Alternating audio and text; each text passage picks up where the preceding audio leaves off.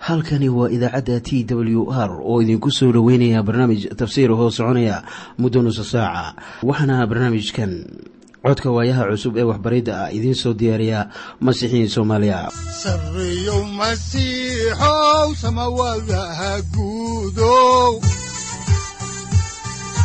siraadkii adduunkow subanaha eebow sareyow masiixow samawadaha guudow siraadkii adduunkow subanaha eebow adigoo samada jiro ifkaan soo saldhiganba adigoo samada jiro ifkaan soo saldhiganba kutubtiisanaye udanogu saaciiday sharxin sifahaaga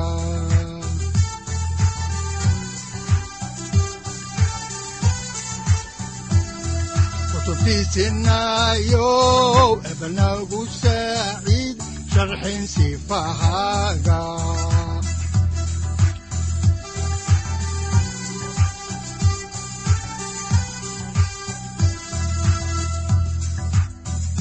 satirow ilaahow adanku su'aalne satirow ilaahow adanku su'aalne safarka kulibana samaha masiixoon sabilahaynaga yee. Mar kale ayaanu dhegaystayaal idinku soo dhoweynaynaa barnaamijka waxaana aanu caaway mar kale idin bilaabi doonaa barnaamijkii taxanaha ahaa oo aad jeclaydeen ee dhexmarka kitaabka quduuska. Waxaannu macluumaad idinka siinaynaa ahmiyadda injiilku uu leeyahay waxaan idiin sii wadi doonnaa cutubka lix iyo labaatanaad oo aynu horay idinku soo bilownay. Haddaba mawduucyada cutubkan lix iyo labaatanaad uu ka kooban yahay waxa ay kala yihiin kow dhacdadii ugu dambaysay ee ciise wax yar ka hor intaan la saarin iskutallaabta waa shirqoolkii la doonayey in lagu gacangeliyo labo ciise oo beytaaniya ay ku caleemo saartay maryan saddex iibsashadii yudas iskariyot oo uu iibsaday ciise masiix. Afar munaasabaddii cashada sayidka.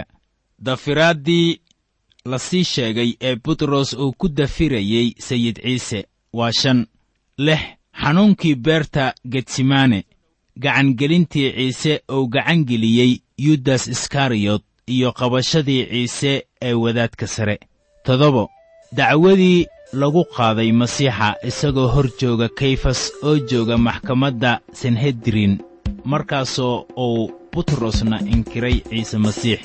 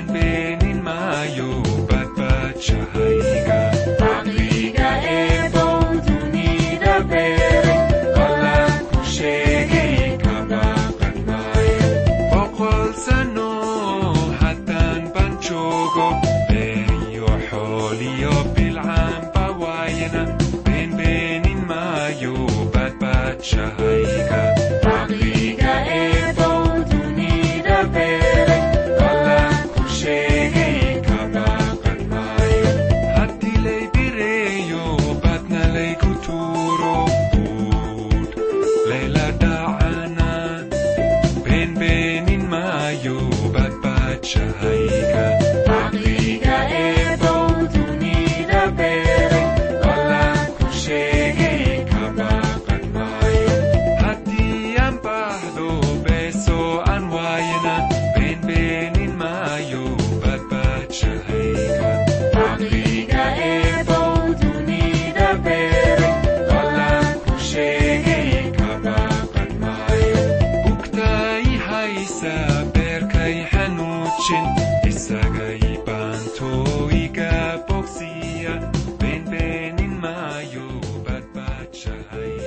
markii noogu dambaysay waxay inoo joogtay ciise oo gartay inuu u soo dhow yahay yudas iskariyot oo ahaa kii gacangelin lahaa.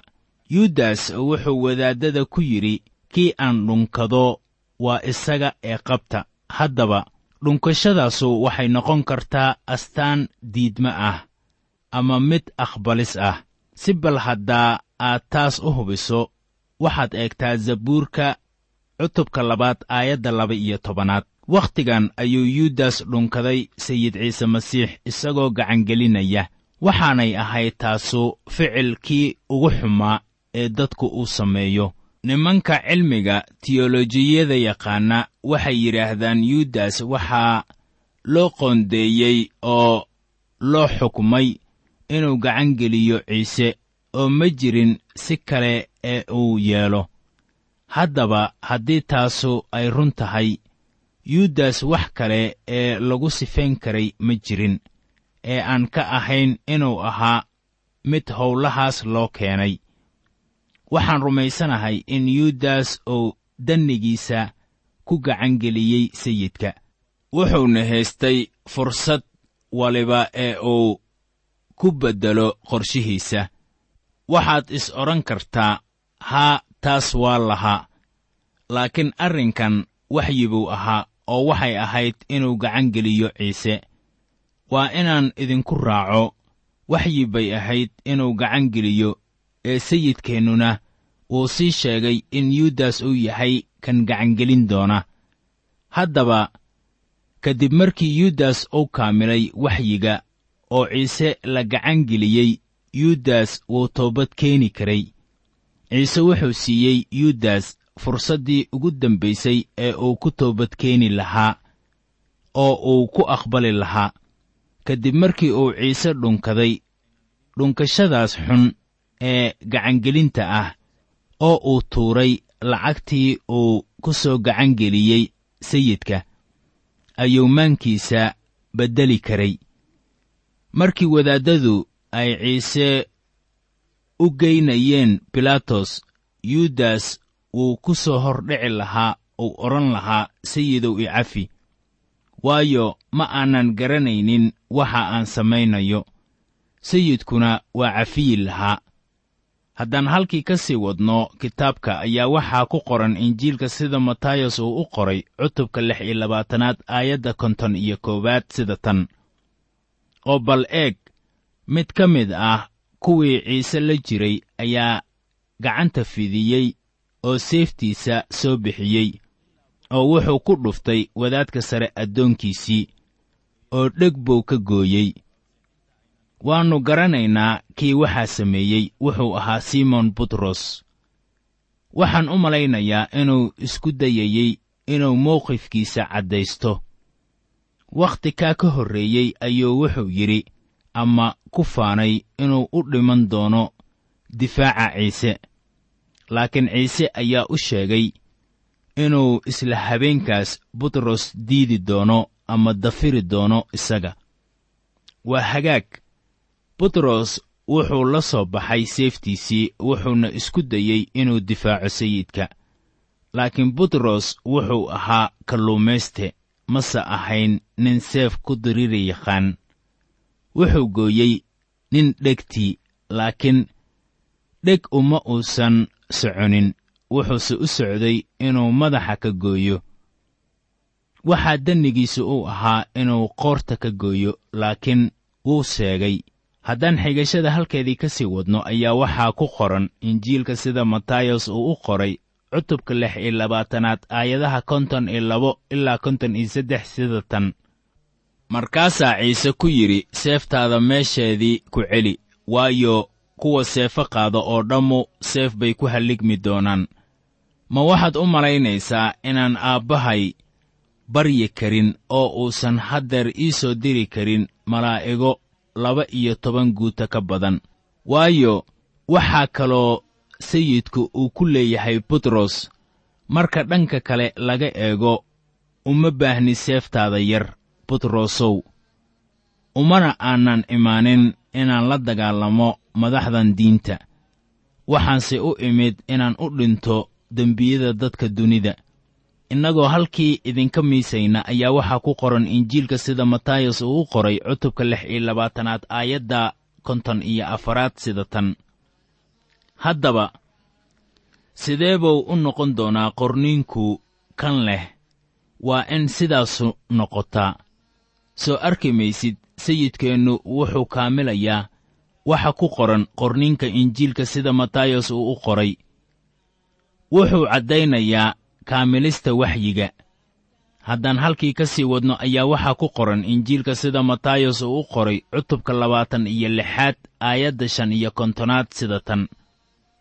Saacaddaas qudheeda ayaa ciise dadkii badnaa uu ku yidhi ma waxaad iila soo baxdeen seefo iyo ulo inaad i qabataan sidaan ahay tuug. Maalin walbaba macbudka ayaan fadhiyi jiray oo aan wax bari jiray imana aydnaan qabsan. Horraan wakhtigiisii ma iman laakiin haatan wakhtigiisii baa yimid.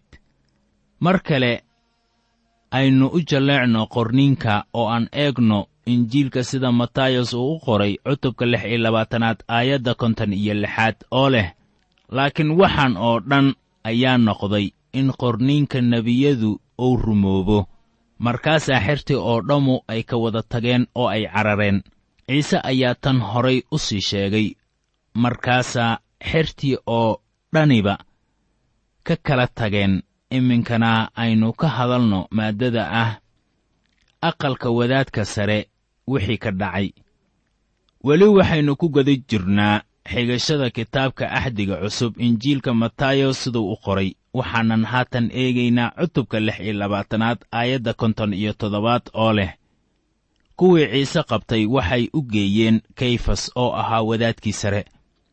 Ilaa meeshii culimmada iyo waayeelladu ay ku urursanaayeen waxaan haddaba ogaanaynaa kol dambeeto in kayfas sodoggiis ou xaqiiqa ahaan ka dambeeyey waxyaalahan. Laakiin ciise waa in loo geeyaa kayfas oo ahaa wadaadka sare in lagu oogo dacwadii koowaad. Bacdamaa madaxdii diintu ay doonayaan inay xukuumadda roomaanka weyddiistaan ciqaab dil ah in lagu qaado ciise waa inay go'aansadaan habeenkaas dacwada lagu soo oogayo. Marka subaxdaas ay u yimaadaan bilaatos haddaan eegno injiilka sida matayos uu u qoray cutubka lix iyo labaatanaad aayadda konton iyo siddeedaad ayaa waxaa qoran. Laakiin butros baa meel fog ka soo daba socday ilaa barxadda wadaadkii sare. Wuuna galay oo askartii la fadhiistay inuu ugu dambaysta arko. Simon butros wuu soo raacay isagoo lug dambeedinaya. Waa khatar inaan meel fog kala soconno ciise. Waxaa laynoogu sheegay yooxanaa cutubka siddeed iyo tobanaad aayadaha shan iyo toban ilaa lix iyo toban. Iyadoo uu kaalmaynayo yooxanaa in butros uu soo galay aqalka wadaadka sare. Halkaas ayuu ku sugayey bal inuu arko ugu dambaynta. Wax yar dabadeed buu diidi doonaa ama dafiri doonaa inuu ahaa kuwii la socday sayidka. Haddaan dib ugu noqonno xigashada ayaa waxaa ku qoran injiilkan matayos cutubka lix iyo labaatanaad aayadaha konton iyo sagaal ilaa lixdan sida tan wadaaddadii sare iyo shirkii oo dhan ayaa waxay dooneen markhaati been ah oo ciise ka gees ah si ay u dilaan. Waase heli waayeen in kastoo markhaatiyaal badan oo been ahu ay yimaadeen laakiinse dabadeed waxaa yimid labo. Soo arki maysid bacdamaa ayaan wadaaddadu haysanin eed ay ku soo oogaan sayid ciise waxay ahayd inay la yimaadaan markhaati beenaalayaal.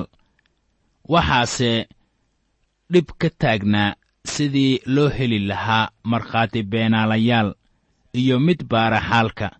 Bilaatos su'aale ayuu weyddiin karayaa madaxda. Siduu yeelay oo wuxuu weyddiiyey su'aalo ka caraysiiya ugu dambaystiina waxay heleen laba markhaati haddaan eegno injiilka sida matayos uu u qoray cutubka lix iyo labaatanaad aayadda kow iyo lixdanaad ayaa waxaa qoran sida tan oo waxay yidhaahdeen kanuu wuxuu yidhi waan karayaa inaan macbudka ilaah dumiyo oon saddex maalmood ku dhiso markaan eegno yooxanaa cutubka labaad aayadaha sagaal iyo toban ilaa laba iyo labaatan ayaa xertuna ay garan weyday warbixintan ama qidcadaas ay wadaaddadu doonayeen inay ku eedeeyaan. Waa marka ay leeyihiin kanu wuxuu yidhi waan karayaa inaan macbudka ilaah dumiyo oon saddex maalmood ku dhiso. Ma ayan garan macnaha ilaa ciise uu sare kacay. Sida cad markhaati beenaalaha wuxuu ahaa nin taagnaa markii ciise uu warbixintan bixiyey laakiin ogow inaannu ninkanu si sax ah u soo xiganin wixii uu yidhi. Haddaan halkii ka sii wadno injiilka matayos ayaa waxaa ku qoran cutubka lix iyo labaatanaad aayadda laba-iyo lixdanaad sida tan leh. Markaasaa wadaadkii sare istaagay oo ku yidhi miyaanad waxba ka jawaabaynin. Kuwanu waxay kugu marag furayaan waa maxay wuxuu wadaadku doonayaa in ciise uu jawaab ka bixiyo si markaas maxkamaddu u garato doodda lala imaanayo. Eeddu waxay ahayd mid runta ka fog taasoo keentay inaannu sayidkeennu wax jawaab ah bixinin. Haddaan halkii ka sii wadno ayaa waxaa ku qoran injiilka sida matayos uu u qoray cutubka lix iyo labaatanaad aayadda saddex iyo lixdanaad sida tan laakiin ciise waa iska aamusay. Kolkaasaa wadaadkii sare wuxuu ku yidhi ilaaha nool ayaan kugu dhaarinayaa ee noo sheeg inaad tahay masiixa oo ah wiilka ilaah iyo in kale. Haatan wadaadka sare baa dhaarinayey oo wuxuu weyddiiyey su'aal qeexan ma waxaad tahay masiixa oo ah wiilka ilaah haddaan halkeedii idinka sii wadno xigashada ayaa waxaa ku qoran injiilka matayos sida uu u qoray. Cutubka lix iyo labaatanaad aayadda afar iyo lixdanaad sida tan. Ciise ayaa ku yidhi waa tidhi hase ahaatee waxaan idinku leeyahay. Hadda dabadeed waxaad arki doontaan wiilka aadanaha oo fadhiya midigta xoogga ilaah oo ku imaanaya duruuraha cirka. Ciise wuxuu yidhi waa tidhi inaan ahay masiixa. Waxaa tanu ay la mid tahay sida isagoo leh haa waxaad sheegtay waxa aan ahay. Ciise wuxuu ku andacooday qudhiisa magaca ah wiilka ilaah. Ditor wofield ayaa yidhi kanu waa magaca ugu sarreeya ee sayidku lahaa waana magac ay nebiyadu isticmaali jireen. Waxaad eegtaa kitaabkii daniyel iyo kii yaxisqeel uu qoray. Kaasu wuxuu ahaa magac rabbaani ah mana jirin wax kale ee uu sheegan karay oo ka sarreeya jegadaas uu sheegtay inuu yahay ee ah wiilka aadanaha oo fadhiya gacanta midigta xoogga ilaah oo ku imaanaya duruuraha cerka haddaan halkii idinka sii wadno xigashada axdiga cusub injiilka sida matayos uu u qoray cutubka lix iyo labaatanaad aayadda lixdan iyo shanaad ayaa waxaa qoran markaasaa wadaadkii sare dharkiisii jeexjeexay isagoo leh wuu caytamay. Maxaynu markhaatiyaal weli ugu baahan nahay bal eega haddeer waad maqasheen caytanka marka la leeyahay wadaadkii sare ayaa dharkiisii jeexjeexay ayaa taasu ay ka micno tahay inuu jeexay dhexxerkiisii isagoo muujinaya dhiilo khatar ah. Markii uu maqlay hadallada caytanka ah waxay la ahayd inay eed ku oogi karaan haatan. Haddaba weli fari kama qodna xigashada kitaabka waxaanan haatan eegaynaa injiilka matayos siduu u qoray cutubka lix iyo labaatanaad aayadaha lixdan iyo lix ilaa lixdan iyo siddeed oo leh maxay idinla tahay? Way u jawaabeen oo ay ku yidhaahdeen wuxuu istaahilaa dhimasho. Markaasay wejiga kaga candhuufeen oo ay garaaceen. Qaarna waa dharbaaxeen oo waxay ku yidhaahdeen noo sheeg masiixow yuu yahay kan kugu dhuftay. War maxay necbaadeen sayid ciise? Waa iska hor imaad caadi ah ee ka yimid qalbiga bini'aadanka oo weeraraya wanaaggiisa xaqnimadiisa quduusnimadiisa iyo xaqiiqada ah inuu yahay rabbi. Miyaad aragtay saaxiib haddii aniga iyo adiga aan leennahay dabeecaddeenii hore waxaannu isku dayi lahayn inaan sayidka ka tuurno carshigiisa sannado ka hor ayaa horumar dad ahi ay yidhaahdeen rabbigu meeshiisii uu ka tegey oo ma joogo iyagoo uga gol leh inaan la arag. Miyaad garanaysaa wixii ay sidaas u yidhaahdeen? Waayo waxay doonayeen inay carshiga ka tuuraan. Dabeecadda dadka ayaa nabcayd sayidkeenna. Haddaba halkan sehediriinta ah oo ah maxkamadda yuhuudda ayaa lagu dharbaaxay lagu candhuufay oo feer lala dhacay laguna majaajilooday waxay yidhaahdeen noo sheeg masiixow yuu yahay kan kugu dhuftay. Mana ayaan doonayn inuu wax u qiyaaso sida quman ama toosan dabcan. Iminkana aynu ka hadalno maaddada ah dafiraaddii butros uu dafiray ciise. Waxaan haddaba qidcooyin ka soo socda ee ku saabsan dafiraaddii butros u eegi doonnaa si baahsan. Markii aynu soo gaarno injiilada kale balse haatan aynu eegno injiilka sida matayos uu u qoray cutubka lix iyo labaatanaad aayadaha lixdan iyo sagaal ilaa toddobaatan iyo saddex oo leh butros wuxuu fadhiyey barxadda dibadda ah markaasaa gabarh u timid oo waxay ku tidhi adiguna waxaa la jirtay ciisihii reer galiili laakiin dhammaantood ayuu ku hor dafiray oo wuxuu ku yidhi anigu garan maayo waxaad leedahay.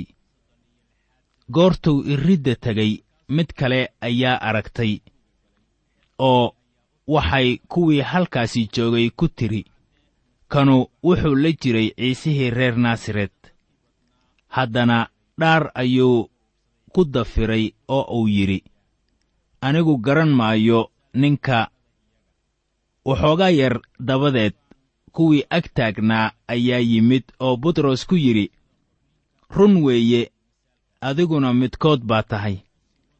Waayo hadalkaaga ayaa ku muujinaya. Haddaba lahjada reer galiili way ka duwanayd tan laga isticmaalo yuhuudiya.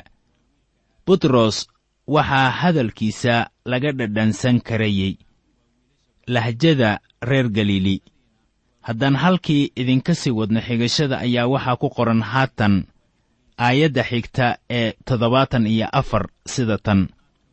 Markaasuu bilaabay inuu caytamo oo uu ku dhaarto inaannu ninkan garanaynin.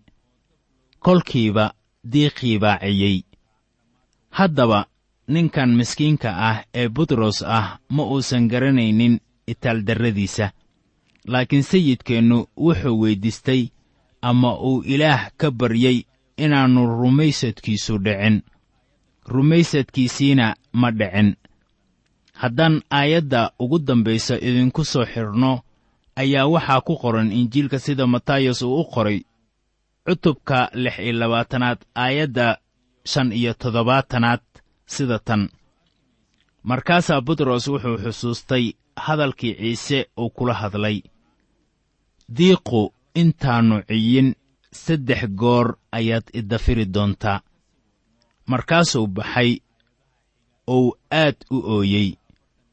Haddaba simon butros wuxuu istaagay meel aan habboonayn halkaasu waxay u ahayd meeshii jarribaadda. Cudurdaar ma leh dafiraaddiisii qashinnimada ahayd wuxuuna ku eedaysnaa ficil aad u xun. Haddaba butros wuu toobad keenay uu ku soo noqday wehelnimadii sayidka uu jeclaa. Bilxaqiiqa butros wuxuu ahaa kan uu ku sharfay inuu wacdiyo khudbadii ugu horraysay kadib markii ruuxa quduuska ah uu yimid maalintii bentekost waxaana halkaasi ku badbaaday saddex kun oo dad ah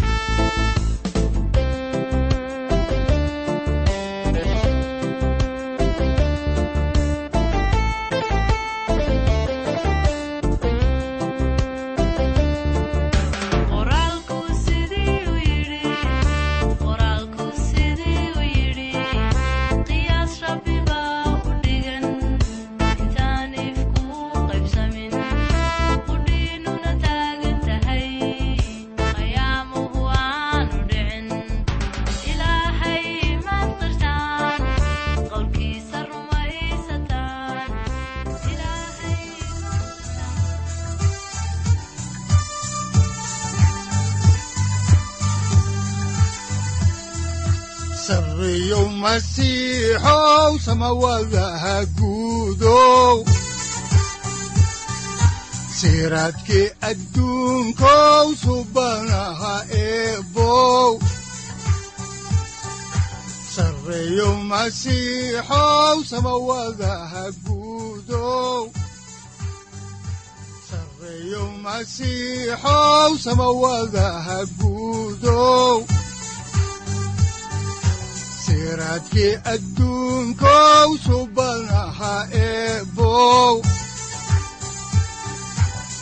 adigoo samaada jiro ifkaan soo saldhiganba adigoo samaada jiro ifkaan soo saldhiganba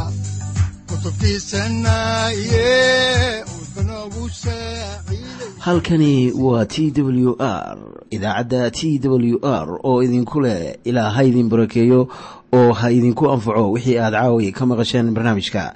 Waxaa barnaamijkan oo kalaa aad ka maqli doontaan habeen dambe hadahan oo kale haddiise aad doonaysaan in aad fikirkiina ka dhiibataan wixii aad caawi maqasheen ayaad nagala soo xiriiri kartaan som t w r at t w r c o k e haddii aad doonaysaan in aad dejiisataan oo kaydsataan barnaamijka ama aad mar kale dhegaysataan fadlan mar kale booqo www t w r o r g amase waxaad teleefoonkaaga ku kaydsataa ama ku download garaysataa agabyada ku sahli karaa dhegeysiga t w r haddii aad doonayso in laga kaalmeeyo dhinacyada fahamka kitaabka amase aad u baahan tahay duco fadlan fariimahaaga soo mari bogga aaraahda ama kommentska inana jawaab degdeg ah ayaanu ku soo diri doonaa amase ku siin doonaaye